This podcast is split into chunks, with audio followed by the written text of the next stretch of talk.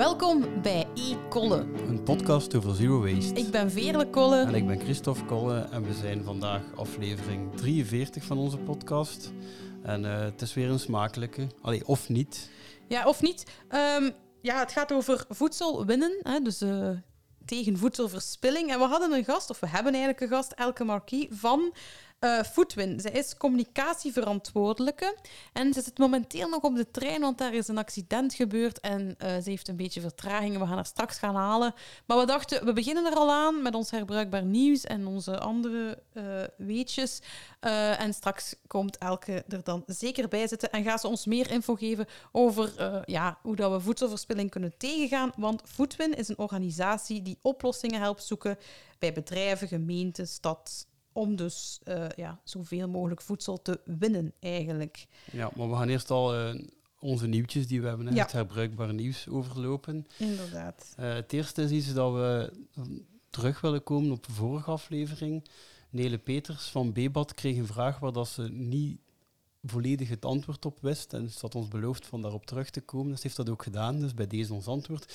Uh, de vraag was dus of dat er ook herlaatbare knoopcellen bestaan. Dus uh, ja, knoopcellen. knoopcellen. Ja, ze noemen het knoopbatterijen. Ah, ja. Maar eigenlijk de officiële benaming is knoopcel. Knoopcellen, ja, van die echt vrij kleine ronde batterijtjes en zo, die je ja, vooral klein, klein elektro vindt. Hè.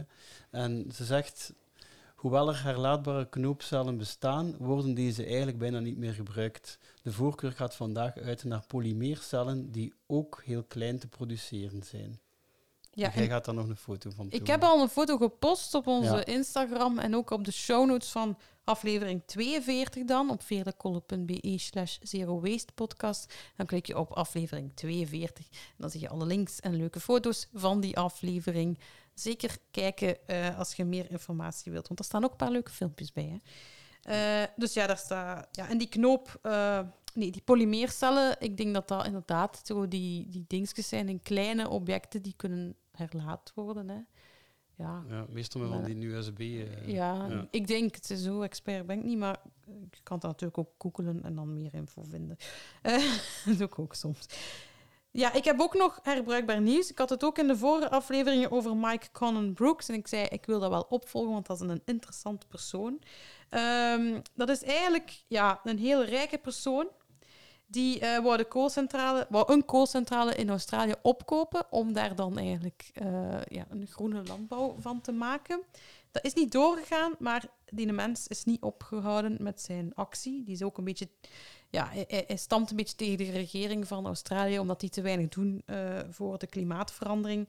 En inmiddels is die man de vierde rijkste man van Australië geworden en bezit hij uh, eh, 28,2 miljard. En hij heeft gewoon gezegd van oké, ik kan die koolcentrale niet kopen, maar ik ga gewoon nog wat landbouwgrond kopen.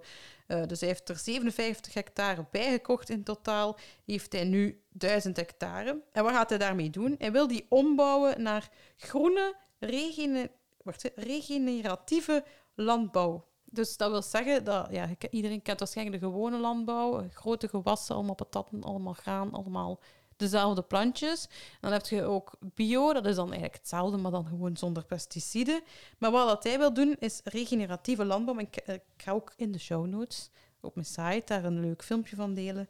Daar kan je ook zien hoe dat, dat werkt. En uh, dat is heel complex eigenlijk, maar wat, om kort uit te leggen, is eigenlijk dat biodiversiteit daarin centraal staat. Dus dat wil zeggen, ze gaan bijvoorbeeld één, één optie is de grond heel vruchtbaar houden.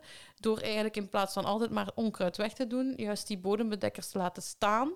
En zo komen daar veel meer ja, dieren in en andere planten. En die zorgen eigenlijk juist dat die grond heel vruchtbaar blijft. Dus dat is een van de dingen die ze doen. Ook zorgen dat bijvoorbeeld het, het vee dat erop graast, dat dat niet heel lang op dezelfde weide staan, maar dat juist het vee kleinere weides krijgt om sneller te verplaatsen, waardoor het gras meer de tijd krijgt om te groeien, enzovoort en zo verder. En dat zou landbouw zijn die eigenlijk op een duur eigenlijk zichzelf ja, in de hand heeft, gelijk eigenlijk de natuur. Hè. Ik denk dan een beetje aan de Circle of Life, hè, de Lion King. Uh, dus eigenlijk landbouw die ja, in plaats van alles één keer hetzelfde, alles een beetje door elkaar, waardoor dat eigenlijk de ene plant steun geeft aan het andere plant en zo. Dus ja, je kunt allemaal zien in de show notes is er een heel, heel leuk, interessant en ook eenvoudig te verstaan filmpje van. Dus eigenlijk landbouw die in balans is. Dus ja, Mike Cannon, Conan Brooks, ik hoop dat ik dat juist uitspreek, is zeker interessant om te volgen. Het is een rijke man die dat allemaal kan doen. Ehm, ja, dus hij heeft ondertussen trouwens al acht eigendommen, landgoederen en wordt trouwens, al mensen die hem volgen, die vragen aan hem, koop nog wat grond. Eh, en ondertussen wachten we nog of die kolenmijn die hij, ja, waar dat hij een bod op heeft gedaan, of die wel degelijk, of hij die uiteindelijk wel degelijk kan kopen. Daar ga ik blijven opvolgen. Voilà, misschien zijn er nog luisteraars met vrij veel geld. Eh, laat het zeker weten als je je geld ergens in iets leuk hebt geïnvesteerd waar je iets mee wilt doen. Want ik ben wel benieuwd naar zo'n projecten. Eh, niet iedereen heeft daar de mogelijkheid toe. Maar stel dat je de mogelijkheid hebt, mag je dat... Wil ik dat wel eens weten of er mensen zijn die zeggen... "Wel, Kijk, ik heb ook eh, gewoon grond gekocht om er een bos op te bouwen. Of te laten groeien. Dat interesseert me wel, omdat dat iets is... Ja, dat ook een manier is om een soort ja, protestactie... Hè, eh, die ook iets teweeg brengt. Dus laat ons zeker weten.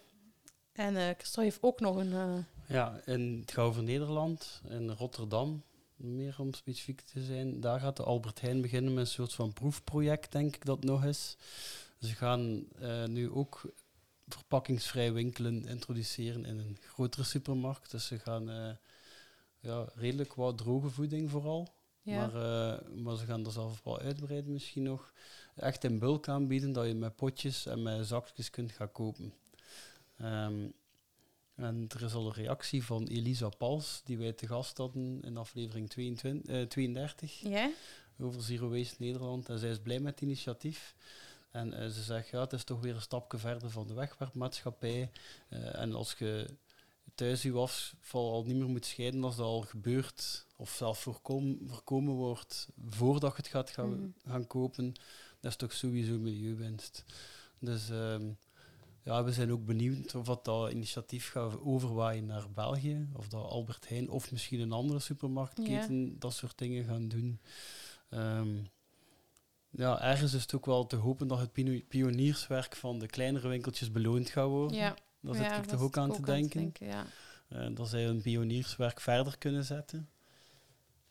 Ehm, ja, want ik vraag me af... Ik weet dat er kritische luisteraars zijn ook. Als supermarkten daarmee beginnen, de Carrefour doet dat ook al een beetje, maar niet, zo, niet zoals Albert Heijn het ziet. Albert Heijn wil het echt eh, groots aanpakken. Hè? Ehm, maar ik vraag me af, eh, mocht er zeker op reageren van... Als supermarkten ook zo gaan inspelen op afvalarm en lokaal, want dat doen ze trouwens ook steeds meer, zeggen ze. Eh, wat vinden jullie daarvan en, en op welke manier kan een winkeltje, like de pioniers, de lokale winkels, de lokale afvalarmwinkels, daar eigenlijk op inspelen? Want ehm, ja, ik hoor ook eh, van bepaalde afvalarmwinkels die het daardoor moeilijk krijgen. Dus misschien hebben luisteraars juist tips of, of zeggen ze, ja, nee, dat kan niet, eh, of vind dat niet goed, of vind dat juist wel goed. Ik ben benieuwd naar jullie reactie daarvan. ja, ik hoop Ja. dat die, eh, die afvalvrije winkels zich eh, ja, in hun innovatie die ze toen Ja. hadden, en dat ze daarin voort blijven zetten. Hè. Dat ze daarop blijven vooruitlopen, volgende stappen. Ja, ik kan ze nu ook niet direct, direct Nee. bedenken. Ehm, waardoor dat ze, waarop kunnen ze nog de voorlopers zijn op eh grote warenhuizen.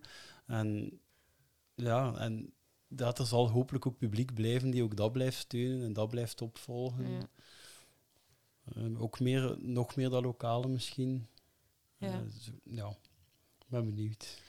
Ik ook, alvast. Ja, we gaan nu ehm, ja, dit stukje afronden en we zijn dan subiet terug met gast. Ja,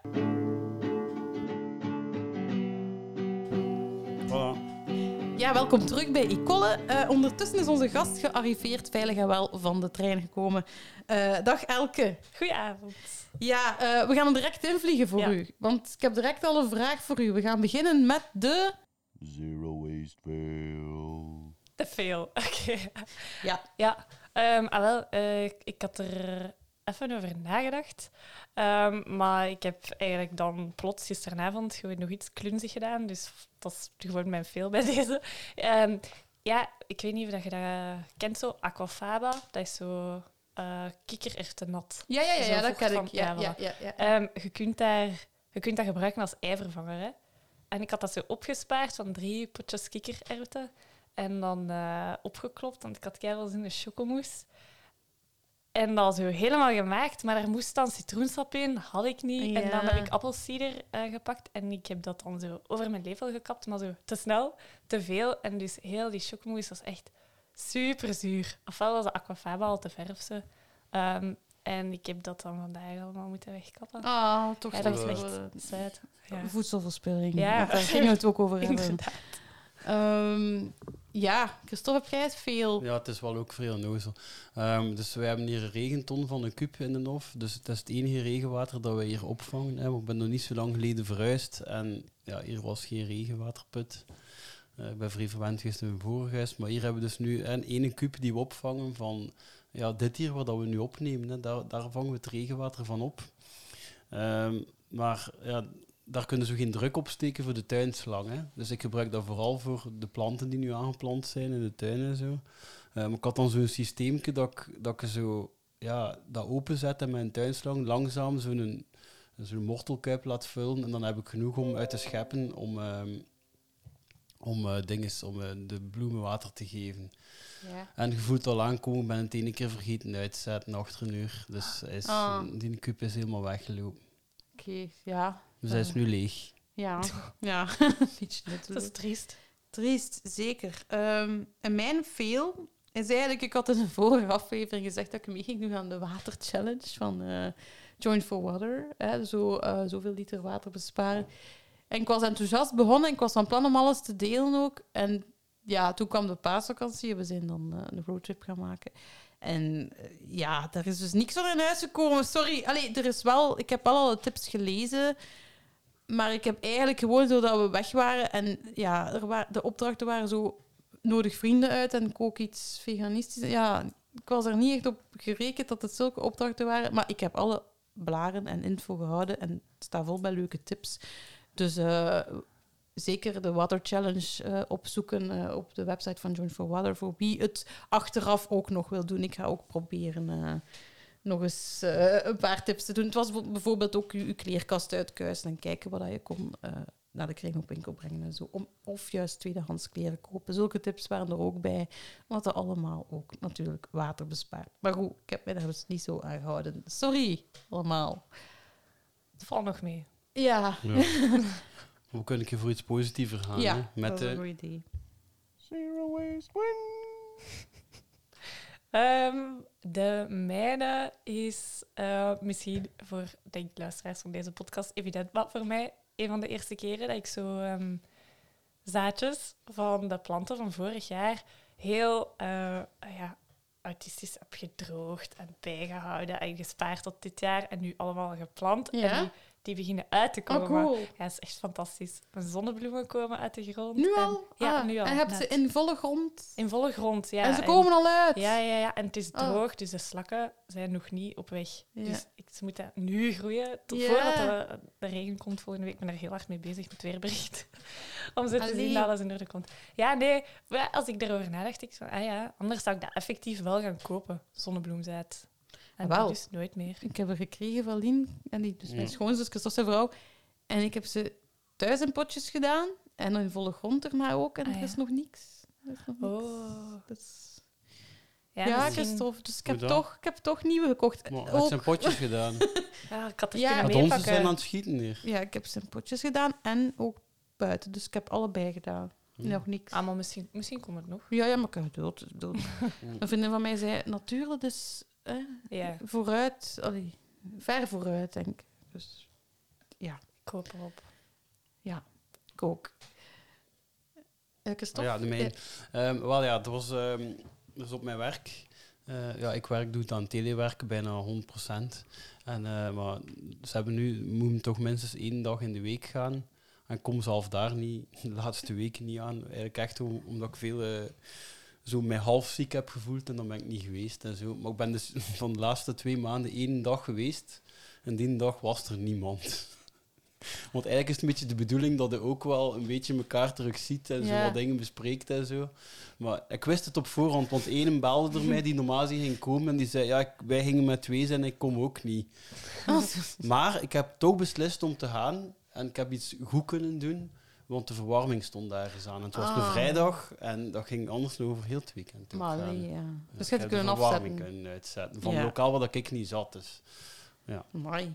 Zo eh, Proficiat. heldhaftig Ik eigenlijk. heb ook zo'n collega. Oh, Die is- altijd de chauffage afzet. Nee, die komt als er iemand is en zo dan Ah. niet, niet door heeft op voorhand. En dan zo selfies stuurt van, Waar is waar iedereen? is iedereen? Ah, ja. Ja, maar soms is dat ook, ook leuk om dat even Is rustig alleen is. even rustig. Ja, thuis is het ook niet altijd rustig. En ja, Ja, of met je collega's is het zeker niet altijd rustig. Toch niet veel. Ehm, ja mijn zero waste win had ik hier opgeschreven, want ik ben weer veranderd. Ik vul dingen in en dan pas ik dat aan. Eh, ja, ik heb gisteren een fietsworkshop gevolgd in Weesbeek op hem, in eh, GC de Kam. Ehm even eh, reclame voor mijn collega's. nu, ehm, de, de fietsworkshop was eigenlijk van hoe herstel ik mijn fiets. Nu, ik fiets veel, maar ik kan hem niet goed herstellen. Ik verlies dat geduld. Ik, ik doe dat niet zo graag. Maar dat was een toffe meneer eh, die daar uitleg over gaf. Dus ik ben wel weer enthousiasmeerd. Ik heb gisteravond en mijn ketting gesmeerd en mijn fietsbanden nog een keer goed opgepompt en mijn, band, eh, mijn remmen aangepast, allee, aangespannen. Maar wat was eigenlijk de win daarvan? Was eigenlijk die mens die zei op een gegeven moment, ja, ik maak zo weinig mogelijk afval. En dan was hij bezig over bijvoorbeeld dat hij met zijn banden, zijn fietsbanden, het is een fietsmaker of een, ja, zo. Nee, ik denk dat hij dat als beroep deed. Ofwel was een hele grote liefhebber, maar alleszins, hij had heel veel fietsbanden van oude fietsen thuis. En hij maakt daar zolen van. Dus als zijn eh, schoenen of zo, speciale fietsschoenen of zo, kapot waren, dan kon hij daar zolen van maken. Heb ik verstaan. Eh, maar eh, ja, het is niet zo'n zero waste win voor mij. Al vind ik wel, als je je fiets kunt herstellen, dat je dan meer op de fiets zit. Dus dat dat ook wel weer een beetje past bij zero waste win. Maar ik raad ook iedereen aan om zo dingen zelf te kunnen herstellen. Hè. Ik denk dat dat, ja, dat dat wel iets, iets doet als je niet altijd naar de fietsenmaker moet om nieuwe spullen ook, maar gewoon ja, iets kunt plakken of eh, ja, het zelf doen. Ook al doe ik het niet graag, ik heb me daar nu aan gezet dat ik het sneller kan en daardoor minder lang eraan bezig ben en het dan iets liever doe. Dus voilà. Eh, volgende week moet ik nog een keer terug, want eigenlijk was het nu vooral theorie en volgende week doe ik de praktijk. Voilà. Cool. Even trouwens mee aan het uitlachen. Maar eh, voilà, ja, dat, dat is eh, voor alle fietsen eh, enthousiaste mensen. En zolen. En Ja. mensen die dus van banden zolen willen maken, het kan. Eh, ja. Ik ga zoeken of ik eh, die de mens zijn naam kan delen op de show notes, want ik heb die nu even niet bij. Ik ben dat vergeten. Eh, Ach, het is misschien die. Ik heb zo ooit keer naar een of andere wieler... Toen dat Michel, Michel Wuit zei, José de Kouwer, naar zoiets Ja. zitten kijken van het wielrennen. Op een gegeven moment was José de Kouwer volledig vertrokken in een verhaal van een die van alles met fietsbanden kon. Zo een of andere reparaat, ja, Ja. gast die kon eh, repareren en Ja. die daar van alles mee kon doen. Het is misschien die. ja, want dat, ja, Dat zat ik mee te wie lachen. weet, ja. Ehm, ja, dan eh, gaan we over naar het onderwerp eigenlijk. Want Ja. ja. ja, we kunnen het lang over fietsen hebben, maar we gaan het hebben Die over... niet eten. Die kunnen niet eten. Nee. Nee, en dat heeft ook niks met voedselverspilling te maken. En daarom zit Elke hier bij ons. Hè. Elke van Foodwin, zij is de communicatieverantwoordelijke. Ja. En ehm, ja, ik, ik moet dat niet uitleggen eigenlijk, Elke. Dus misschien kunt jij uitleggen wat en wie Foodwin is en hoe dat allemaal ontstaan is. Ja, Eh, ja, ja oké. Ehm, oorspronkelijk, wij, zijn, wij dateren al van 2015, wat dat redelijk oud is in de sector van voedselverspilling. En dat is een heuse sector. Ehm, wij zijn oorspronkelijk begonnen als, ja, als een vrijwilligersbeweging van mensen die, jonge mensen die iets zouden doen tegen voedselverspilling. Ja. Eh, zo heel hals over kop, we gaan iets doen. Ehm, en dat kwam voort uit iets wat dat zij zagen. En dat was dat overal initiatieven tegen voedselverspilling als paddenstoelen uit de grond begonnen komen. Ehm, en zo zelf niet echt de know-how hebben van hoe ga ik iets met voedselverspilling doen. Eh, eerst was het idee van we gaan confituur maken van bessen en zo Mhm. snel van afgestapt. Ehm, maar dan was er het idee van, oké, er gebeuren zoveel dingen, we gaan die met elkaar in contact brengen, ehm, want samen kunnen we meer. En dus we gaan een soort beweging tegen voedselverspilling opzetten. Ehm, dat was het oorspronkelijke idee. En dat was eh, ja, zo meer de vrijwilligerskant. Dat heeft twee jaar, twee jaar, denk ik, op die manier bestaan, Foodwin. En dan ehm, ja, is er toch een ander besef gekomen van ja, eigenlijk zit er nog wel een gat in de sector dat wij misschien kunnen opvullen. Ehm, en dat gaat dan over, ja, er zijn heel veel initiatieven die voeding herbestemmen. Dus van reststromen en nevenstromen andere producten maken. Bijvoorbeeld confituur of Mhm. ehm, koekjes van bierdraf of dat ja, soort dingen. ja, ja. Waar dat er nog minder op gewerkt is, is eigenlijk ehm, het vermijden van voedselverspilling. Dus de stap ervoor. Ja. Dus voordat je gaat kijken van oké, wat gaan we doen met alles wat dat over is, hoe kun Ja. je ervoor zorgen dat het überhaupt niet over is? En daar zijn wij dan in een paar gaten gesprongen van sectoren in de voedselketen, waarvan dan wij dachten, oké, daar kunnen wij iets doen. Ehm, en zo is dat toen begonnen met grootkeukens en ondertussen is dat uitgebreid naar andere sectoren ook. Ehm, dus wij zijn heel concreet aan het werk in grootkeukens, maar ook met lokale besturen en sinds kort ook met voedingsbedrijven om daar voedselverspilling aan te pakken. En dan Mhm. echt preventie, om zo te zien want Ja. hoe kunnen we ervoor zorgen dat zij dat vermijden, dat dat ehm, voorkomt. En anderzijds ehm, mocht je ons ook vragen stellen over voedselverspilling. En we zijn nog altijd in contact met andere organisaties die dat doen in België. En samen vormen wij de Food Waste Alliance. En wij coördineren dat ook. En wij organiseren coole dingen zoals het Food Waste Fest Ja. de Food Waste Wars en zo. Maar daar zal ik straks nog wel iets Ja. over zeggen. Ehm, maar dat, dat is in een hele korte notendop eh, Wat? wat dat we zijn. En, ja, wij zijn een team ook van zeven mensen. Dus niet gigantisch. ehm, maar wij, zijn, we gaan wel voor heel veel impact. Ja. Ja. Ja, want eh, ik las op jullie website ook, je biedt hulp aan steden, gemeenten en grootkeukens. En je zei ook nog andere organisaties. Ehm, op, op, op welke manier doen jullie dat precies? Wat bedoel je met hulp bieden? Is dat workshops? Of, eh? Ja, goede vraag. En dat is eigenlijk... ehm, het is een, een proces dat we eigenlijk op verschillende sectoren toepassen. Dat begint altijd bij een soort diagnose of effectief een meting van voedselverspilling. Dus in grootkeukens Ja. eh, ja, je moet e-mailen een keuken van een, van een ziekenhuis Mhm. of van een school of eh, van een bedrijf. Daar gaan wij dan ehm, in de keuken. En dan samen met de chef en het keukenpersoneel leren wij hun meten. En zij doen dan zelf een meting. Dat is dan een steekproef eh, die dat ze nemen. Die duurt dan een week. En dan gaan ze kijken wat het er allemaal in de keuken overblijft ehm, op bepaalde random momenten van de dag. En dan ehm, wat dat er overblijft in de bordresten, wat dat mensen niet hebben Ja, opgegeten, ja, wat ja. er blijft in het buffet. En dan gedurende die week, hè, na, die, na die meting, krijgen wij daar alle resultaten van. En dan zien wij waar dat eigenlijk de grootste verliesposten zijn, waar dat het meest wordt verspild.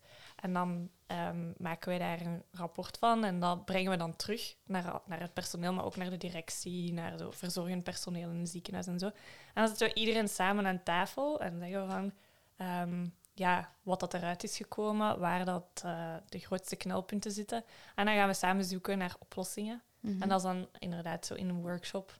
Ehm, kijken we ook naar zo waar dat eh, de goodwill zit of waar dat mensen op willen werken. Want dat is ook altijd heel belangrijk. Je kunt wel heel Ja, veel in theorie... Ja. Nee, maar eh, zo, ja, wat dat dan de kleine winsten zijn, wat dat op, grote, op, op lange termijn grote veranderingen zouden kunnen zijn dat we kunnen doorvoeren. Dus dat is zo een beetje het proces waar dat we hun doorloodsen. En dan op het einde, als die veranderingen ja, gedurende een paar maanden er zijn geweest, dan doen we nog opnieuw een meting. En dan kijken we hoeveel dat er ehm, minder wordt verspild. En wat dat, dat dan ook betekent qua besparingen en zo. Ja. Eh, het is vooral, het is meestal bij die meting dat het, dat het pas zo doorweegt van zo, wow, oké, is het zoveel? Zo. We merken dat mensen hun intuïtie heel anders is dan wat dat die meetresultaten altijd zeggen. Zo, ze denken van, oké, eh, hier zijn we al heel goed bezig of zo. Het zal wel waarschijnlijk de soep zijn dat we vooral Ja. verspillen. En dan is dat totaal omgekeerd. En meestal als ze dus die meting hebben gedaan, dan zijn mensen super gemotiveerd. Want dan weten ze eigenlijk hoeveel dat dat is en waar het allemaal zit. En, Ja. en wat ze ja, kunnen Want- winnen. ja, ze verliezen daar ook financieel eigenlijk iets Ja, aan. ja, ja, ja. Want ik, ehm, is het ook niet zo dat, dat een, een kok alleszins wordt wel ook getraind om toch zo weinig mogelijk te verspillen, omdat het juist... We hebben al eens een kok bij ons gehad ook van... eh, ja, maar misschien is dat dan... Denken ze dat, maar is dat, gelijk dat je zegt, in praktijk toch... Ja. Ze toch nog meer verspillen dan, dan ze zelf Ja, ik weet dat nu toevallig uit ervaring, omdat een van mijn collega's heeft ook de opleiding chef gevolgd. Ja? En daar is dat Helemaal het omgekeerde. Goh, ja, ik weet, maar ik weet niet zozeer of dat ehm, misschien in de opleiding dat dan niet zozeer... Ik denk dat het niet zozeer een aandachtspunt is, maar het is alleszins zo dat ze wel... Ze moeten heel veel klaarmaken tijdens die Mhm. opleiding van die gerechten. En dan die belanden direct daarna gewoon allemaal in de vuilbak. Dus dat is... Allee, zij pakte dat dan vaak altijd mee. En dan zei ze van, oh man, Ja. man, man, daar hebben we ook nog werk, jongens. Misschien gaan we daar ook eh, ooit aan de slag. In, in de opleiding zelf. Ja, in de opleiding. Ja, dat zou tof zijn om te doen. Ja, omdat, ja Mm. ik snap dat ook. Hè. Je, je moet dat allemaal klaarmaken, want je moet dat doen voor die opleiding. Nou ja, daar zit niet altijd een leger van hongerige mensen aan de andere kant te wachten. Ja, dat is een beetje... Ja, en, en ook omdat je zegt van die borden in een grootkeuken. Mhm. Soms lijken ziekenhuizen of, of zo, ja, grote keukens, ja. Dat, dat zie ik altijd in rafters of zo. Ja. Dan scheppen mensen toch vaak zelf Ja. op. En als dat dan... Als er voedselverspilling is op de mensen hun bord, ligt dat dan aan de mensen niet? Ja. Dan, dan wil de ogen groter zijn dan wil de maag.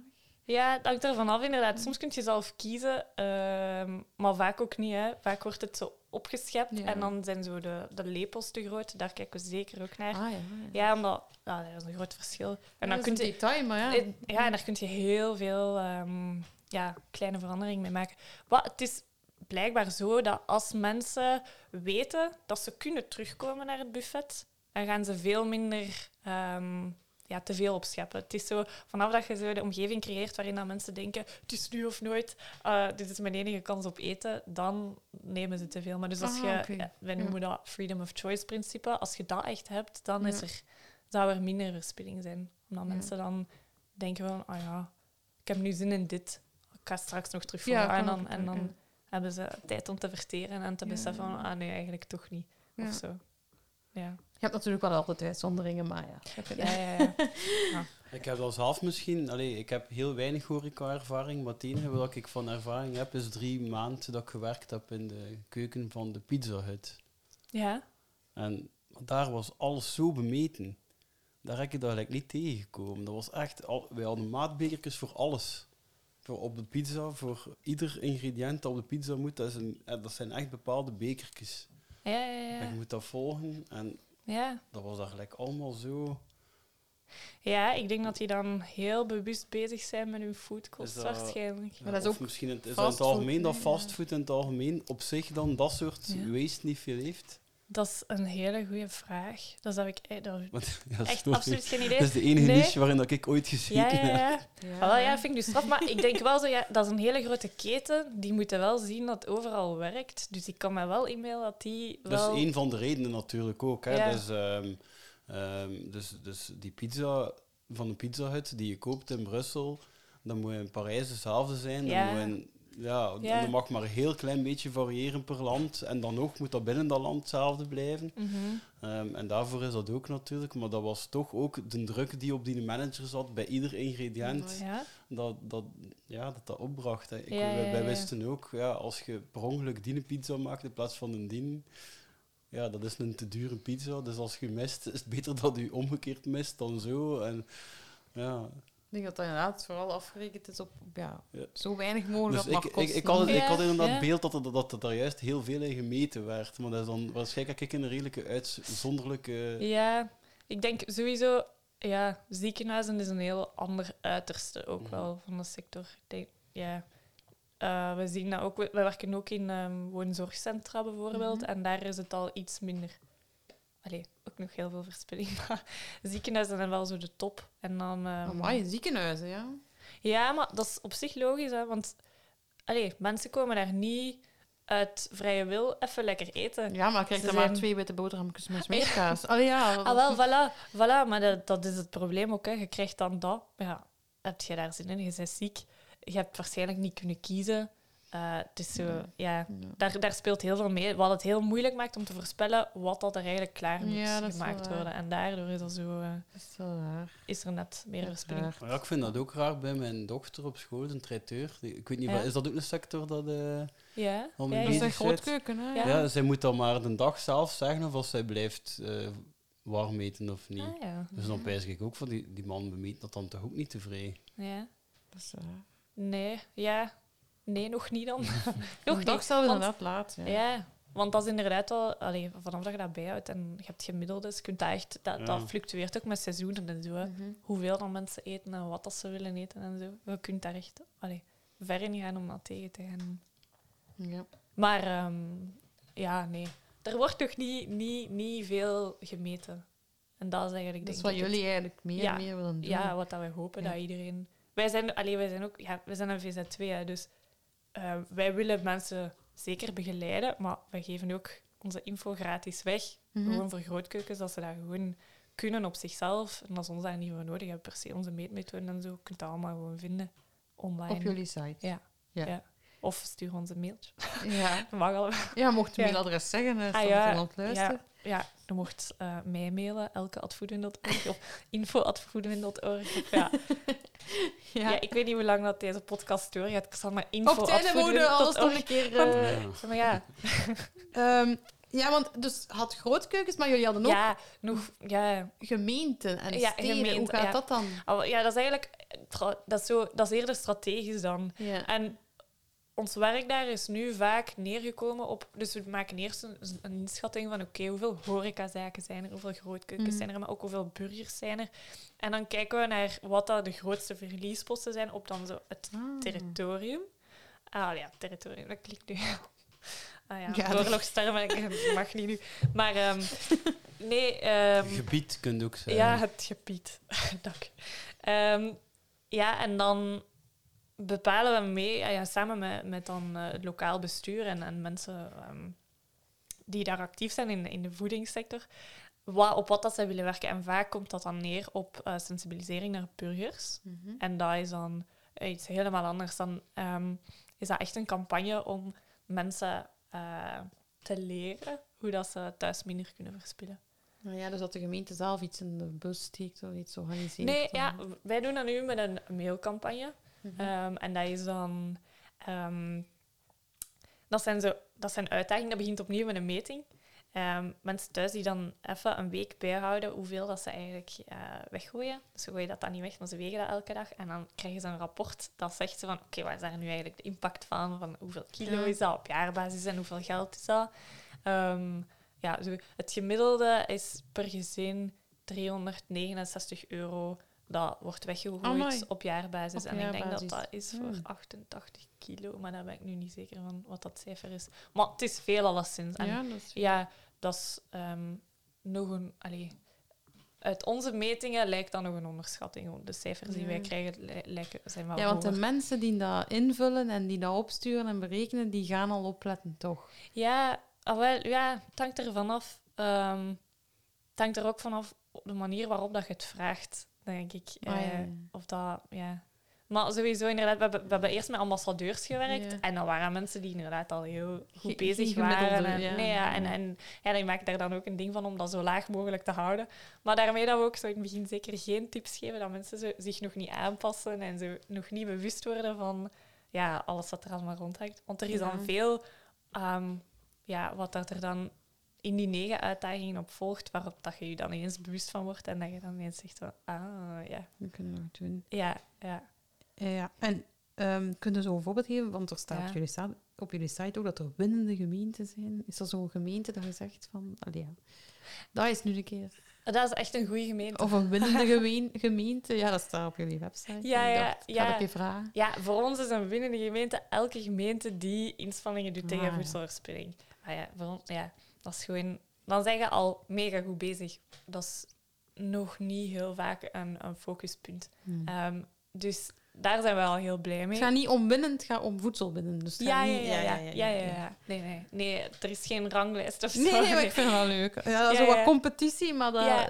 Ja, nee, dat is een droom van ons ook, om dat dan nog een keer zo lokale besturen tegen elkaar kunnen opzetten om zo het meest... Maar dat hebben ze nog niet zo ver gekregen. Maar ehm, al wel, ja, in Brugge hebben we nu een campagne gedaan, die noemde Foodwinners Brugge. Allee, Ja. ja, nee, het is eigenlijk het is opnieuw bezig. Dus waarschijnlijk... Dus alle mensen in Brugge kunnen zich nu inschrijven, waarschijnlijk. Ehm, en die noemt Foodwinners Brugge. Maar dit is het derde jaar dat we dat doen. En vorig jaar ehm, hebben we dan uit die meting eh, de resultaten gekregen dat burgers die mee hebben gedaan hun voedselverspilling met hebben verminderd. Amai, dat is Dat was gigantisch veel. Dat was echt Ja. ver boven wat dat wij ooit allee, als doel hadden gezet of zo. Dus eh, ja, Bruggen is op dat vlak wel goed bezig en is een echt laaiend enthousiast. Er is ook een Facebookgroep en mensen zijn nu zo volop aan het tonen wat dat Mhm. ze allemaal aan het doen zijn. Ja. Eh, ah ja, dat is echt super cool om te volgen. En die krijgen dan ook tips en zo Ja. met die Ja. mailing. En, Ja. Ja, maar het- het is zo dat... ehm, ja, onderzoek, er is- er onderzoek naar gebeurd in Vlaanderen, naar wat dat er eigenlijk voor zorgt dat consumenten thuis verspillen. En dat heeft het meest te maken met ja, ehm, onvoldoende kennis over bepaalde aspecten. Dat gaat dan vooral over houdbaarheidsdata, wat is Ja. dat en eh, hoe moet je die interpreteren. Dat is heel verwarrend. Ja, ja.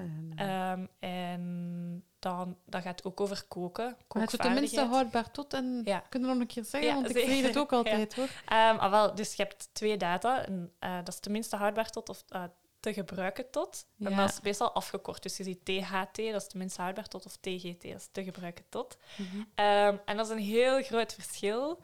Te gebruiken tot, dat heeft echt te maken met voedselveiligheid. Dat wordt Ja. gezet op producten die snel bederven, waarvan dat gevaarlijk is als je die na die datum nog opeet. Dus als vlees, ehm, rauwe dingen, ja, dan moet je echt, dat weet iedereen denk ik, daar moet je echt mee oppassen. Maar dan heb je tenminste houdbaar tot. En ik vergelijk dat altijd met een stofzuiger. Dat is eerder zo, dat is een garantie dat erop wordt gezet van tot die datum ehm kun je er zeker van zijn ja, Ja. Dat, het, dat het de exacte smaak heeft die dat wij bedoeld hadden dat het product zou hebben. Dat Ja. het er perfect gaat uitzien, dat het heel allee, perfect gaat ruiken en al die dingen. De dag daarna is dat product totaal niet slecht. Maar dat, wij noemen dat vervaldatum. Dus dat klinkt zo alsof dat Ja. dat vervallen is. Maar dat is dus helemaal niet. Want dat is een datum die eigenlijk door de producent bepaald wordt. En die bepaalt dat heel Mhm. conservatief natuurlijk, omdat hij natuurlijk wil dat dat, dat, dat product topkwaliteit is. Maar dat, gaat, dat staat dan vaak op pasta of koekjes of Mhm. rijst of zo. Maar dan, na die datum, moet je eigenlijk echt gewoon ja, je gezond verstand gebruiken en kijken van, was de verpakking, was die nog toe? Is die nog, is die nog oké? Is dat open geweest of niet? Ja. Staat dat bol of niet? ruiken. Ruiken, proeven, al die dingen. Mhm. En er zijn echt ja, producten die nog jaren na die Mhm. datum perfect eetbaar zijn. Ja. Ja. Als je durft. Daar, eh, ja. Ja, en die tips en zo, al die dingen die krijgen dan mensen die meedoen aan die eh foodwinner-actie. Ja. Eh, want jullie hebben ook voor organisaties, denk ik, de Food Awards. ja, de Food Waste Award. De Food Waste. Awards. Ja. ja. Ja, En, en ja, ja. ik vertel er eens meer over. ja, zeker. Wanneer wordt deze uitgezonden? Die eh, dinsdag, dus de 26 eh, Ah, oké, oké. april. Twee Ja. dagen daarna gaat, eh, gaat de stemming van de Food Waste Awards open. Dus daarmee dat ik het vraag op de 28e. Dus de Food Waste Awards, dat zijn prijzen die dat wij uitreiken aan ehm, organisaties die inspanningen leveren tegen voedselverspilling. Ja. Uit het afgelopen jaar, die zo memorabele dingen hebben gedaan. Ehm, en nu net, ja, we hebben gisteravond jurymeeting gehad tot heel laat. En dan hebben zij beslist wie Ja. dat de finalisten zijn. Maar die zijn dus nog niet bekend. ja, want je hebt het druk nu, hè. Want, eh, Ja. ja, ja, hij had het mij Ja. Ja, ja, nee, het is even zot. Want we, Ja. ja. dus we hebben de Food Waste Awards, dat is heel belangrijk voor ons. Ehm allee, dat is gewoon dat is heel tof. Hè. Dat is gewoon een moment waarop dat we ook eens anderen die iets doen tegen voedselverspilling even zo een, een momentje in de aandacht Ja. eh, ja, Dus kunnen en- zetten. De, de organisaties die genomineerd zijn, zijn nog niet bekend nu. Of wel? Nee, ze weten het zelf nog niet. Ah, oké, dus dan Maar moet ik nog niet zeggen. Ja, eh, tegen dat het is uitgezonden. eh, ah nee, dan ook dan nog twee dagen. Nog Dus, twee dagen, ja. En waar kunnen de mensen dan na twee dagen... ja. www.foodwasteawards.be En dan kunnen ze stemmen. Ja, dan kun je stemmen. En dan Ah, oké. Ja. Ik ga meedoen, denk ik. En Ja. welke soort... zijn dat dan Eh, eh, ah, wel, er zijn- productie? eh, Ja. er zijn drie categorieën. Dus er zijn opnieuw lokale besturen die, die meedoen. Ehm, voedingsbedrijven doen mee. En dan changemakers. Dat zijn organisaties zoals, Ja. zoals een Foodwin, die zo echt als missie hebben van wij gaan voedselverspilling tegengaan, op welke manier dan ook. Want er zijn er ook veel. Oké. Ja. Ja. want dan brengen jullie eigenlijk samen op die manier... Ja, dat je in het begin zei, van er zijn zoveel losse ja. organisaties om dat eens te Ja. kaderen. En Ja. een, eh, ja want dat is, Ja. een, dat is ook dat is een fysiek evenement. Hoera! Twee jaar geleden was het... eh, ga in het water vallen. Maar ehm, dat, die, die uitreiking daarvan dat vindt eh, plaats op 12 maart. En dat is onderdeel 12 van het mei. Oh ja, 12 Ja, mei. ja. Maart is al geweest. En april is ook... 12 Nee, april is ook niet uitstellen. Ja. Ehm, nee, in mei. En ehm, dat is deel van het Food Waste Fest. En dat is, dat is een grote tweedaagse rond voedselverspilling. Dat is gratis, iedereen mag daarmee meedoen. We organiseren dat samen met andere organisaties. Ehm, en dat is voornamelijk gericht op mensen die iets doen in de voedselketen. Van landbouw tot... Dus echt van begin, van begin tot einde. van ja. grond tot mond, Ja. ze. Ja. Oh, dat heb je nooit niet? gehoord. Allee, zeg. Oh, dat is goed. Je kent dat niet. Nee, ik, ik ga het wel onthouden. dat dat wel niet... Ja, ehm, of van grond tot vork. Nee, nee, van grond tot Nee. mond. Ik wou het eigenlijk ook een beetje, omdat we nu toch over de grond bezig zijn. Ja? Want dat gaat vooral die organisaties en dan Mhm. ja, voedselverspilling. Ik, had, ik vroeg mij eigenlijk zelf af in heel dat productieproces Ja. van grond tot mond. Ja. Waar bevindt zich eigenlijk dan het meeste voedselverspilling? Ah, wel, ja. Ik kan het u zeggen, maar ik, ik weet niet of dat je het hebt opgezocht zelf. Of dat je bent ingewikkeld. Ik weet, denk ik wel. Ja. Maar ik vraag me af wat dat je doe zelf... alsof dat ik het niet weet, Ja, omdat de luisteraars het misschien nog niet Weet weten. Ah, nee. Ik kan raden Wat zou je intuïtief zeggen? Oei, misschien ben ik zelf ook waar fout. dat meest... eh, eh, ja, Ja. verspild wordt. Ik denk... Ik, Ik zou... ja. Maar we Zo. zullen misschien... Je je hebt landbouw en dan heb je de veiling, Ja, verwerkende industrie, Ja. Ah, ja, ja, ja. de winkel, Goh. consument. Ehm, Maar je buikgevoel Ja. is goed, hè? ah, ja, ja. Maar een mislukte oogst is geen verspilling, hè? Jawel. Wacht, ja, dat is moeilijk. Ik zou, verwa- ik, zou, ja, ik zou verwachten, redelijk in het begin toch ook. Want ik heb één jaar meegedraaid met Ja. eh, oogstgoed, heette dat. Ja. Ja. dat was zo een plukboerderij. Waar Ja, je dus, waar In je dus, ja, ja, Ja, Gent, ja ik ken denk Ja. ik eh, die die Ehm, dat doet. Deed. En ehm, dus daar werden we redelijk dicht op de hoogte gehouden. Want uiteindelijk, ja, ons lidgeld, Ja. hè, wat daarmee gebeurde, Ja. ook al deden wij veel zelf, Ja. toch eh, waren wij ook meer. Ja, en dan, dan bijvoorbeeld ten opzichte van wat verwacht was, hadden we dan bepaalde groenten veel meer en bepaalde groenten veel minder. En, zo. Mhm. en daar zie je het wel van, ja, ik weet dat sommige groenten ja, waren er gewoon niet. Waren gewoon kapot. Dat was niet gelukt dat jaar. Dus ik ben er één jaar geweest dat ik niet had. En sommige dingen heb ik over, overvloedig van eten. Ja. Maar natuurlijk, tegenvallers voelden natuurlijk meer. Ehm, en dan zo bijvoorbeeld de, ja, de wortels deden het heel goed. Hè, maar ja, die zijn dan nooit allemaal uitgeraakt. Dus ik zou eigenlijk vermoeden dat het daar toch zit. En ehm bij in de vleesindustrie dat het nog erger is. Daar hou ik mij Ja. volledig buiten, omdat ik daar ondertussen dan van mijn 19 jaar eh, geen vlees meer eet. Maar als ik daar, eh, omdat ik weet, ja, je moet de die al eten geven. Mhm. En water en heel moe. Mhm. Dus Ja. ik zou pijzen dat daar vooral Ja. zit. Denk jij dat ook? En wel, ik was aan het twijfelen.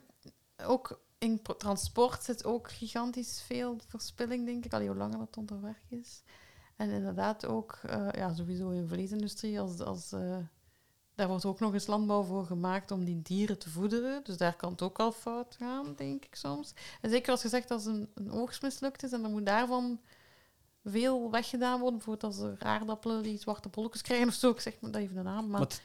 Ja, dan moet dat ook weg. Dus dat, dan zit het eigenlijk gewoon bij. het gaat wel echt over voedselverspilling. Dus niet Ja. over, over eh, dat Dus het geen te veel transport of te veel... nee, nee, nee, ja. nee. Nee, nee, maar onderweg kan er toch dingen slecht worden. Ja. En blutsen en builen. En... Ja. Dat is ook nu niet verwacht dat Ja. daar het fout gaat. Ja, ja, nu ben ik... Ik, ik, ik Nee. vind het moeilijk te vinden. Ja, nee, ik, het het is te veel suspense. Ja. Ehm, nee, ik denk, eh, ja. Maar je kunt het op twee manieren bekijken sowieso. Het Mhm. verlies, je hebt enerzijds totale hoeveelheid. Zo Mhm. van, oké, hoe groot is de berg? En anderzijds, hoe efficiënt dan de schakel is. En dan, qua totale hoeveelheid, heb jij gelijk. Is de landbouw de grootste verspiller. Ja. Ehm, ja, ik weet nog niet van buiten hoeveel ton het is. Dit, allee, we hebben het over Vlaanderen. Hè? Dit Ja, ja, dus gaat over Vlaanderen. Dus daar eh, is het effectief bij de, ehm, bij de landbouw de grootste. Ik moet wel zeggen, veeteelt is daar niet in mee opgenomen. Daar zijn heel weinig cijfers over. Daar ben ik persoonlijk ook heel geïnteresseerd in. Dat is heel moeilijk te vinden. Heel, heel Ja. moeilijk na te gaan gewoon.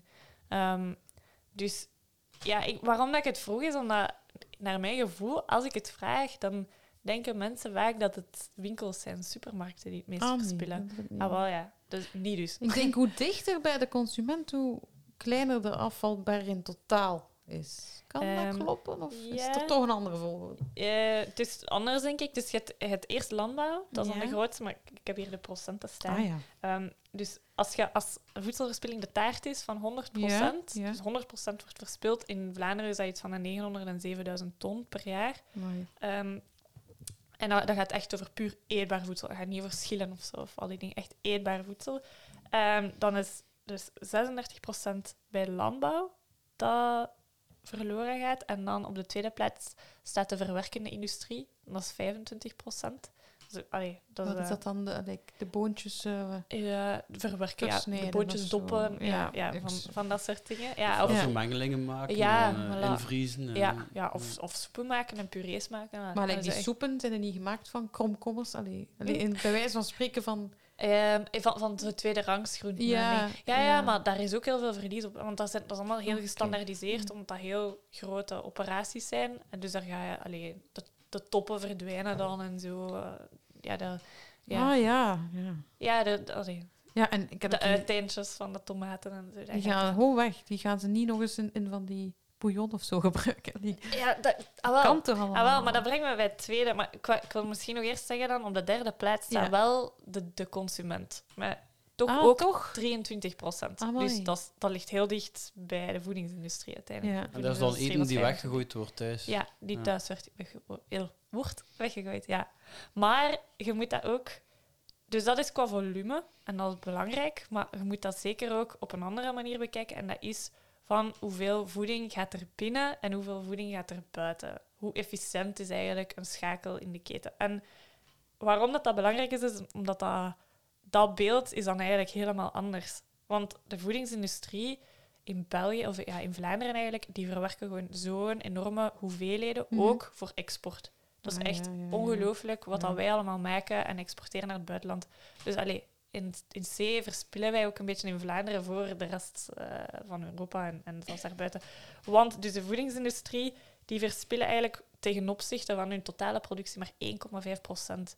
Dus dat is heel weinig. Dus ook al gaat dat om gigantische volumes, als je daarop wilt gaan werken en daar nog verbeteringen in aanbrengen, dat is moeilijk. Want die zijn eigenlijk super efficiënt. Die verspillen maar Mm. 1,5 procent. Dat is kei weinig. Terwijl dat, als je dan kijkt naar een consument, die verspilt 5,9 procent. Dat is vijf keer zoveel. Dus eigenlijk kun je dan bij een consument meer winnen dan... dan allee, of makkelijker, makkelijker nog winst halen dan, dan bij de voedingsindustrie. Ja, dus jullie focussen ook nog altijd op de consument. En focussen jullie ook op de landbouw dan? Dat daar ook zoveel... eh, Ja, nee, dat is niet, dat is niet onze expertise. Dat is Mm. echt nog een ja, hele wereld apart. ja. Ook moeilijk, inderdaad. Maar je moet ook zien, ja, dus voedselverspilling aan het begin van de keten is heel erg. Allee, als in, dat zijn grote getallen en zo. Maar natuurlijk, hoe verder dat je gaat in de keten, hoe meer dat er verloren gaat. Want Ja. we zien dat vaak als van, oké, je gooit een appel weg. Maar je gooit niet alleen je appel weg. Je gooit de verpakking weg. Je gooit het water, ja. het, eh, de transport dat erin is gegaan, het werk dat iemand ervoor heeft gedaan. Dat gooit je ook allemaal mee weg. Dus hoe verder in de keten ook, hoe groter de impact van, ehm, ja, van, van wat dat je weggooit uiteindelijk. Ja, dat is waar. En dus, dus ehm, ja, met landbouw echt super graag, maar dat is voor mij ook nog een onbekende wereld. Dat is, dat is heel moeilijk ook. We zijn al, we zijn al redelijk goed in allee, efficiënte oogstechnieken. Als je gaat kijken naar, naar eh, ja, Afrika of, of andere eh, continenten waar dat landbouw nog niet zo geïntensiveerd is, dan is het eigenlijk het verlies vooral daar. Daar wordt bij consumenten heel weinig Ah, ja. weggegooid. Ja. Dat is echt een omgekeerd plaatje. En dus daar kunnen ze nog heel veel oogstechnieken verbeteren en al die dingen.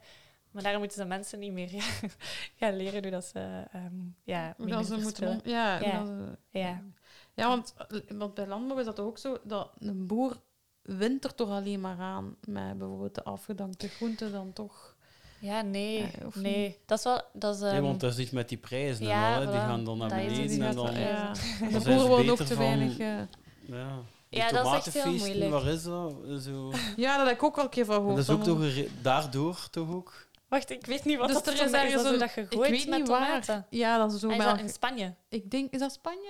Ah, ja, wijzers, jawel. eh. Jawel, dat is Spanje. En ze ja, ja. smijten met tomaten. Ja. Vroeger was het met al, alle voedsel, maar dat is dan verboden wegens Ah, ja. voedselverspilling. Ah, ja. Dan zijn het alleen nog maar tomaten Ah, geworden. ja. ik, ik dacht dat de tomaten ook verboden waren, maar misschien ben ik daar mis mee. Ja. Maar ik denk dat dat ooit ontstaan is, wel daardoor, omdat als je ze niet wegsmijt, dat Ja. dan, dat dan voor een crisis zorgt en voor daling van de prijzen. En, Ja, sowieso. Ja, je kunt niet je dingen super goedkoop...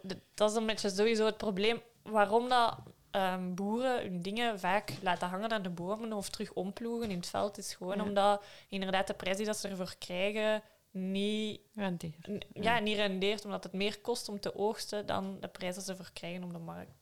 En dat is wel nog een vraag dat ik nu heb over de, voor die steden gemeente vooral en andere, maar ik denk minder de consument, de thuisconsument. Ja? Ehm, loopt het daar ook tegen dat, dat, dan, dat je dan wel tips geeft van hoe dan ze kunnen besparen? Allee, hoe dan ze ja, minder voedsel kunnen verspillen.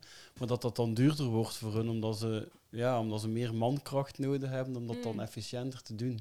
Wacht, en je bedoelt bij, bij wie? Niet Ja, bij de consument, maar gewoon bij... bij de grotere ja, dingen zo. Ehm, nee, eigenlijk niet. Omdat daar is ook daar is onderzoek naar gebeurd. En zo de, de return on investment, om het mooi te zeggen, is eigenlijk is altijd positief. Oh, dat is wel. Ja, ja, dat is echt. En dat de grote orde verschilt. Ik denk voor een voedingsbedrijf is het grootste. Ik denk dat de return on investment 1 op 14 is. En dan voor een grootkeuken weet ik het niet van buiten, maar het is ook het is 1 op 8 of zo, denk ik. Dus voor elke euro dat je investeert in tegengaan van voedselverspilling, krijg je er 8 terug. Ah, Omdat de kost, ja, mooi. de kost is echt groot van, van voeding, maar dat is, zo, Ja. dat is een onzichtbare kost. Je hebt dat, zo, het dat niet door. Daarmee dat wij zo inzetten op meten, omdat dat... Ja, dan zie je het. Dan ziet je het inderdaad. Ja, voilà. En dan ineens is het van, oh, amai, dat is veel geld. Daar zouden we iets anders mee kunnen doen. En Wel, ik denk met die prijzen die nu duurder worden, dat sowieso mensen uit de eigen efficiënter aan het, Ja. op, nu op dit moment aan het worden Ja. zijn. ja, Ja, de inspecteur zo. Ja. Op Radio 2 dat is ook zo tips aan het geven om geld te besparen. Ah, ja. Bespaar ik denk dat dan een keer voedsel is. al wel, ja, we zijn ook gebeld door de morgen inderdaad, Ah. omdat de voedselprijzen stijgen. En zo. En inderdaad ook tips van wat dat mensen thuis kunnen doen. Ja, het is wel iets dat Mhm. leeft precies. Maar wel, ik had daar straks op de trein... eh, het- het- ik vroeg me nu af van inderdaad, zo, er staat nu heel veel in de krant van zo, eh, het brood wordt 30 cent duurder. En dan dacht ik van oké, eh, per gezin 369 euro per jaar in de vuilbak. Stel nu je eet ehm, drie broden per week, dat is heel random, ik weet niet hoeveel brood dat er gemiddeld in een gezin wordt gegeten. En ik berekend dat dat, het kwam het neer op een, iets van een 46 euro per jaar dat je meer moet betalen nu aan je brood op jaarbasis. En dan ik, ja, brood is in ehm, Vlaanderen het meest verspilde product van alles. Mhm. Dus als je dan kijkt van oké, van die 369 euro dat je in de vuilbak gooit, is dan maar 46 euro nu die je... Wacht, hoe moet ik het zeggen? Als je gewoon minder brood in de vuilbak gooit, dan kan je heel snel die 46 euro die je nu extra moet betalen al compenseren. Ja, ja, ja. Omdat dat, Ja, ja. dat is maar een heel klein aandeel van die 369, terwijl brood is waarschijnlijk het grootste aandeel van wat dat in de vuilbak belandt. ja. Zwat. Zo kunnen mensen veel winnen. ja, nee, ik snap het. Ja. Eh, ik had nog een vraag voor u over die supermarkten. Ja? Want oké, dat is dan niet de grootste verspiller, maar eh, daar krijgen wij wel vaak het argument van ja, Ja. ze gebruiken daar nog veel plastic, of ja, niet alleen in de supermarkt, ook in de winkel, Ja. om, dat, om zo voedselverspilling tegen te gaan. Dus ze zeggen van ja, die plastic Mhm. verpakkingen, winnen, daarmee winnen we echt op voedselverspilling. ja. Ik ben benieuwd of dat zo is. Weet je dat?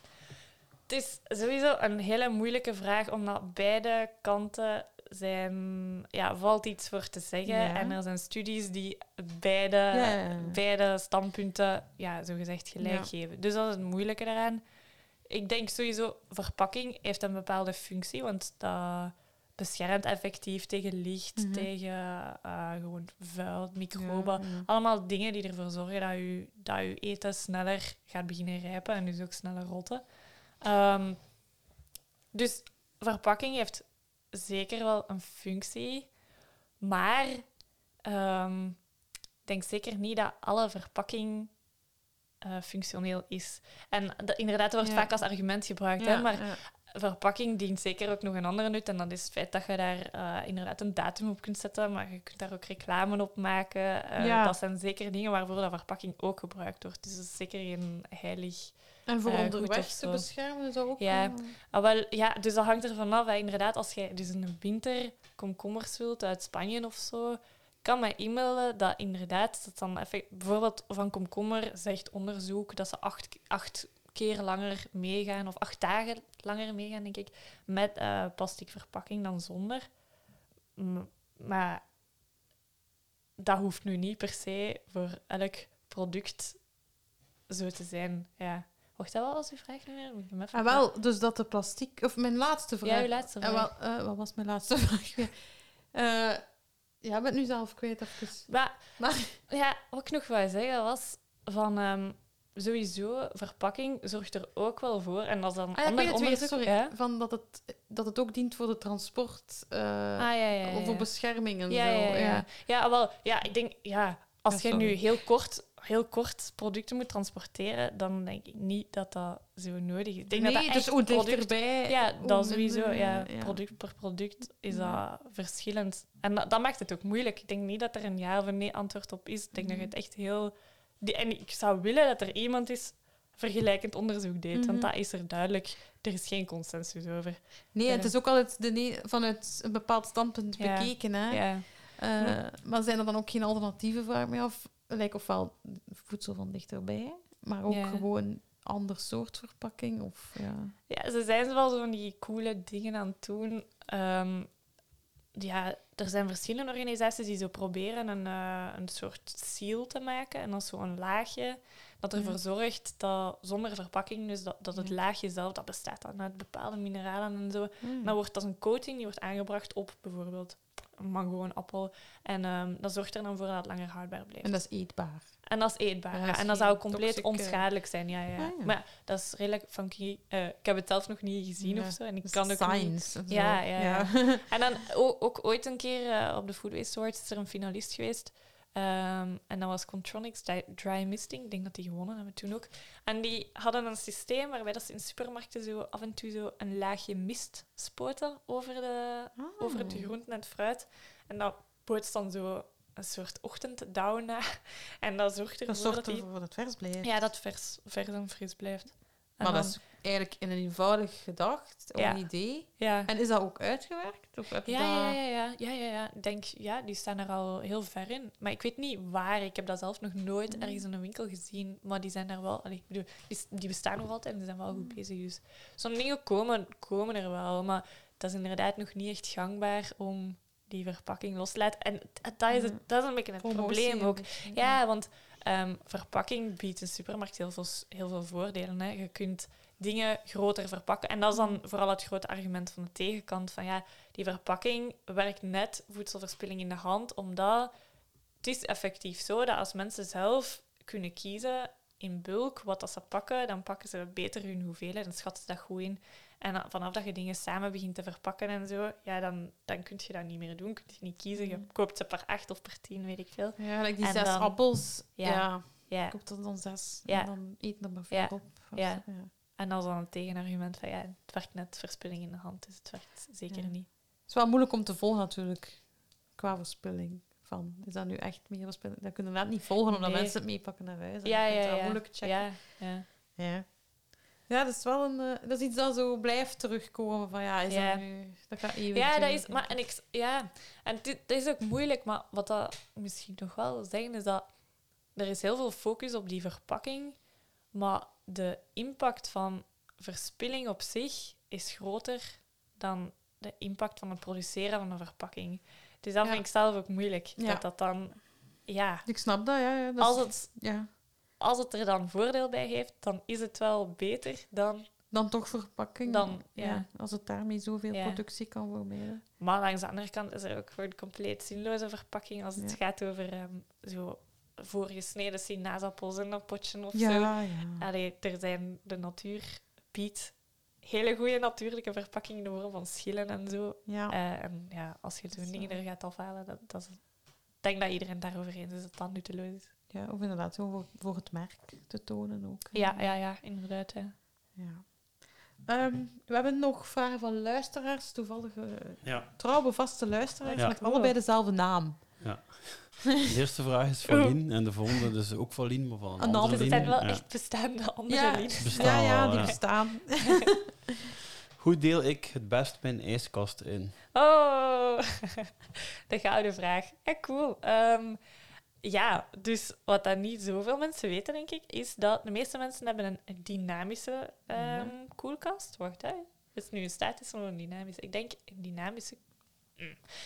De meeste mensen hebben een frigo waarin dat de temperatuur verandert. ehm, afhankelijk van waar in de frigo dat, je- Ja. dat je kijkt.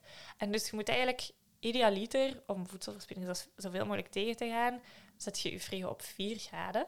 Ja. En dat is de ideale temperatuur. En moet je gewoon even ja, logisch nadenken. Dus je moet weten dat het onderaan in de frigo het koudst is. Dus daar is het effectief dan 4 graden. Dus daar gaat je dan de producten zetten waarvan het belangrijkste is dat die koud blijven. Dus dat is dan rauw vlees, eh, vis, dat soort dingen. En naarmate dat je dan stijgt, hoe, hoe warmer dat het wordt eigenlijk. Dus daarboven zet je dan ehm, zo charcuterie, eh, ja, dat soort producten. Ik denk ook zuivel. En dan bovenaan zet je zo eh, confituur, geopende potjes, restjes van, van dingen dat je nog hebt gemaakt en zo. Dus hoe hoger dat je gaat, hoe, hoe hoger de temperatuur. En dan sowieso de groentebakken, dat is met een reden gemaakt dat dat, Dat groentebakken zijn. Ja, ja. dat is dan onderaan, die zit daar Mhm. goed koud. En dan heb je de deur, die wordt eigenlijk het warmst, omdat die, die heeft het meeste temperatuurschommeling, omdat je die open en toe doet. Dan steekt je sauzen en dranken en zo. Maar dat is ook En melk ook? Allee, of plantaardig of Ja. niet, maar dat ja, ook. ja. ook daar. Ja, Ja. ja. En dan nog, ja, misschien een grote fout die, die ook vaak gemaakt wordt, is dat veel dingen horen gewoon niet in de koelkast, die er wel worden ingestoken. En dan, ehm, dat zijn zo, ja, van die mediterraanse groenten, bijvoorbeeld aubergines of... Tomaat? tomaat ook, ja, die moet... Avocado? avocado. Ja, uit de ijskast? Wat? Ook uit de ijskast. uit de ijskast, ja, ja. Dat zijn van die dingen... Maar eigenlijk, als je, er, als je dat... Ja, tomaten moeten in de fruitmand eigenlijk zo. Hè. ja, maar pas op. Nee? Maar dat alle op. andere dingen. Ja, want dat is, dat, is, dat is een ander ding. Dat brengt ons weer ergens anders. Maar je hebt eh, veel fruit en groenten die eh ethyleengas afscheiden. En dat is een, een rijpingsgas. En dan Ja. versnelt het rijpingsproces. En tomaten is er daar een van. Dus Appel ook kan dat? appel ook, ja. Ja. En banaan en kiwi en avocado Ja. ook. Staat mijn zero waste kalender. Ja. Maar je kunt dat ook in je voordeel gebruiken. Hè? Dus als je... Ja, ja, Als je ja, iets ja, anders ja. wilt Als laten brood zacht moet worden, of, of Ja. is het weer al? Ja, als zo dingen... Nee, patat... Ja, ik weet het niet meer. Maar je kunt Ja. combineren. Ja, ja. je legt ze dan wel samen. Ja. Ja. Oké. Oké, de vraag van eh, die andere Lien. ja? Eh, welke voedingswaren vind jij het ergste om te verspillen? oh, ja. Ah, wel, vlees. Ja. ja, maar ik eet zelf geen vlees. Nee, wij ook niet. Ah, voilà. Want- Ja. Dat is veel verspilling Ja. op zich, hè? Ja, maar je hebt ja. ook een vleesetende huisgenoot. Ja, ja, wij ja. alle drie. Ah ja, Ja. oké, voilà. Ja, dat is hartverscheurend. nee, ik, vind dat, ik, ben, ik ben me daar gewoon heel bewust van. Omdat ik geen vlees eet, heel bewust. Als ik dat moet weggooien, dan, Ja. ja, dan gooi ik ook heel bewust zo het varken weg of zo. Ja. Dus dat vind ik wel heel moeilijk. En ehm, ja, ook heel jammer dat er daar zo weinig cijfers over zijn. Ik ben daar zelf ook heel geïnteresseerd in van hoe zit dat inderdaad. Want ja, Ja. fra- allee, een appel of een peer, dat is kei jammer. Hè. Super spijtig. Maar ja, Een beest. een dier, ja, dat is, dat is echt nog wel een ander verhaal. Ik had eh, via Too Good To Go ja? gelezen dat één op drie dieren Ja? eigenlijk verspild is. Dus allee, Ah, ja. dat het aantal denk- kilo vlees dat verspild wordt, zou Ja. één op drie koeien zijn. Ga, Dus ik, ik, Ja. ik ga ervan uit dat ze dan het gemiddelde hebben genomen. Gemiddeld gezien wordt een derde van ons eten verspild. Dus dat zou dan ook één kan, koe ja. op drie zijn of zo. Dus ja, één koe op drie is voor niks gestorven. hè. Ja, ja. Die gemiddeld gezien Ja. zal dat zeker wel kloppen. Allee, sowieso met die cijfers. Ik heb het gevoel dat alles nog... Ja, dat, dat we best wel onderschattingen hebben. Maar... ehm, ja, wat wil ik daar nu nog van zeggen? Ehm, wacht hoor. Ja. Nee, ik weet niet meer. Dat is niet erg. Eh,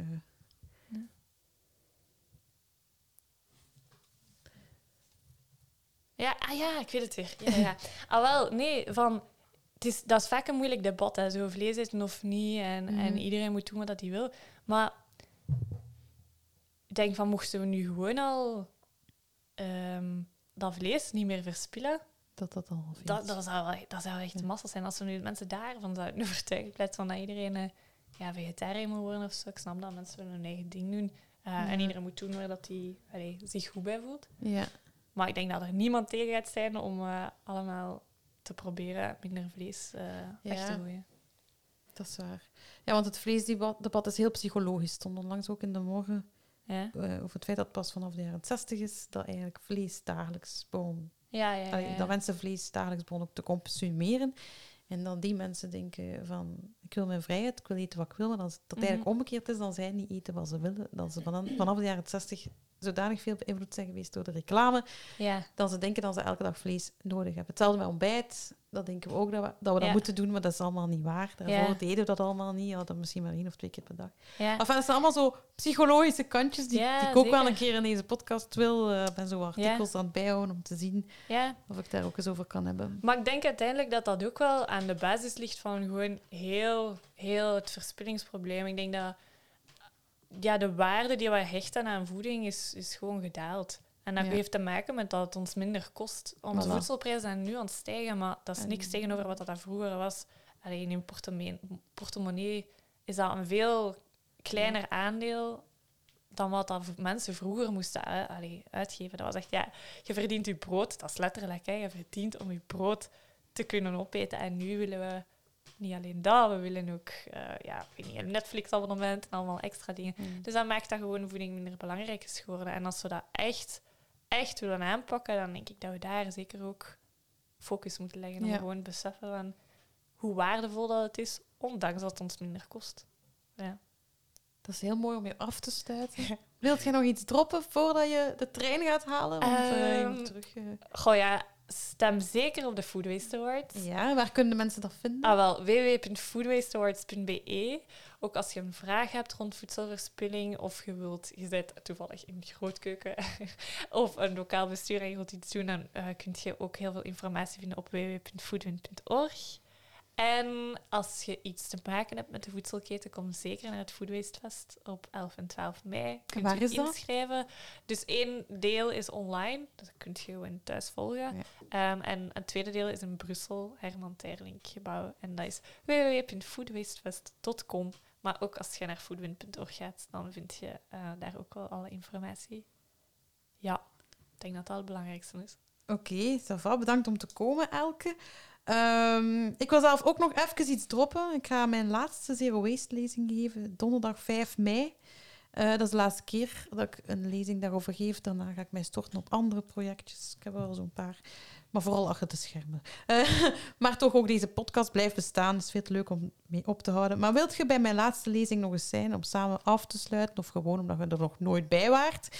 Dan kun je inschrijven via veerlekolle.be. En het gaat door in Merchtem. Dus ook op de site van merchtem.be eh, kan je eh, je inschrijven. Want het is daar in het, in het hoofdgebouw van het gemeentehuis te doen. Ehm, voilà.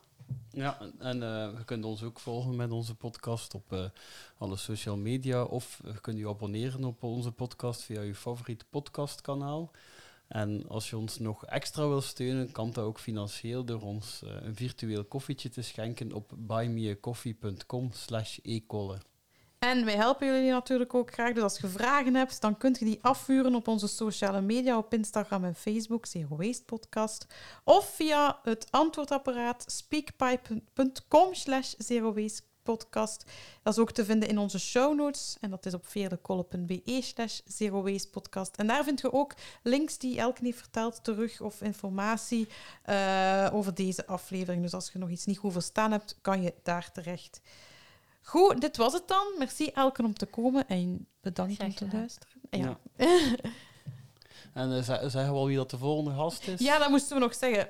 Als je vragen hebt voor onze volgende gast, dat is eh Christophe, zeg maar. Ja, Jonas Geernaert. Ja, we gaan, we gaan, we gaan het hebben over... Ja, die een deelt een huis met zijn neef, eh lieve Scheire. Ja. En eh, we gaan het eigenlijk hebben over eh, co-housing. Dus als er vragen zijn voor Jonas Schijnert over een huis delen met iemand, dan mag je die nu al sturen via onze social media of mail of eh, de speakpipe. Ja, we vinden ons, we weten ons wel te vinden. Tot de volgende. Joe. Doei.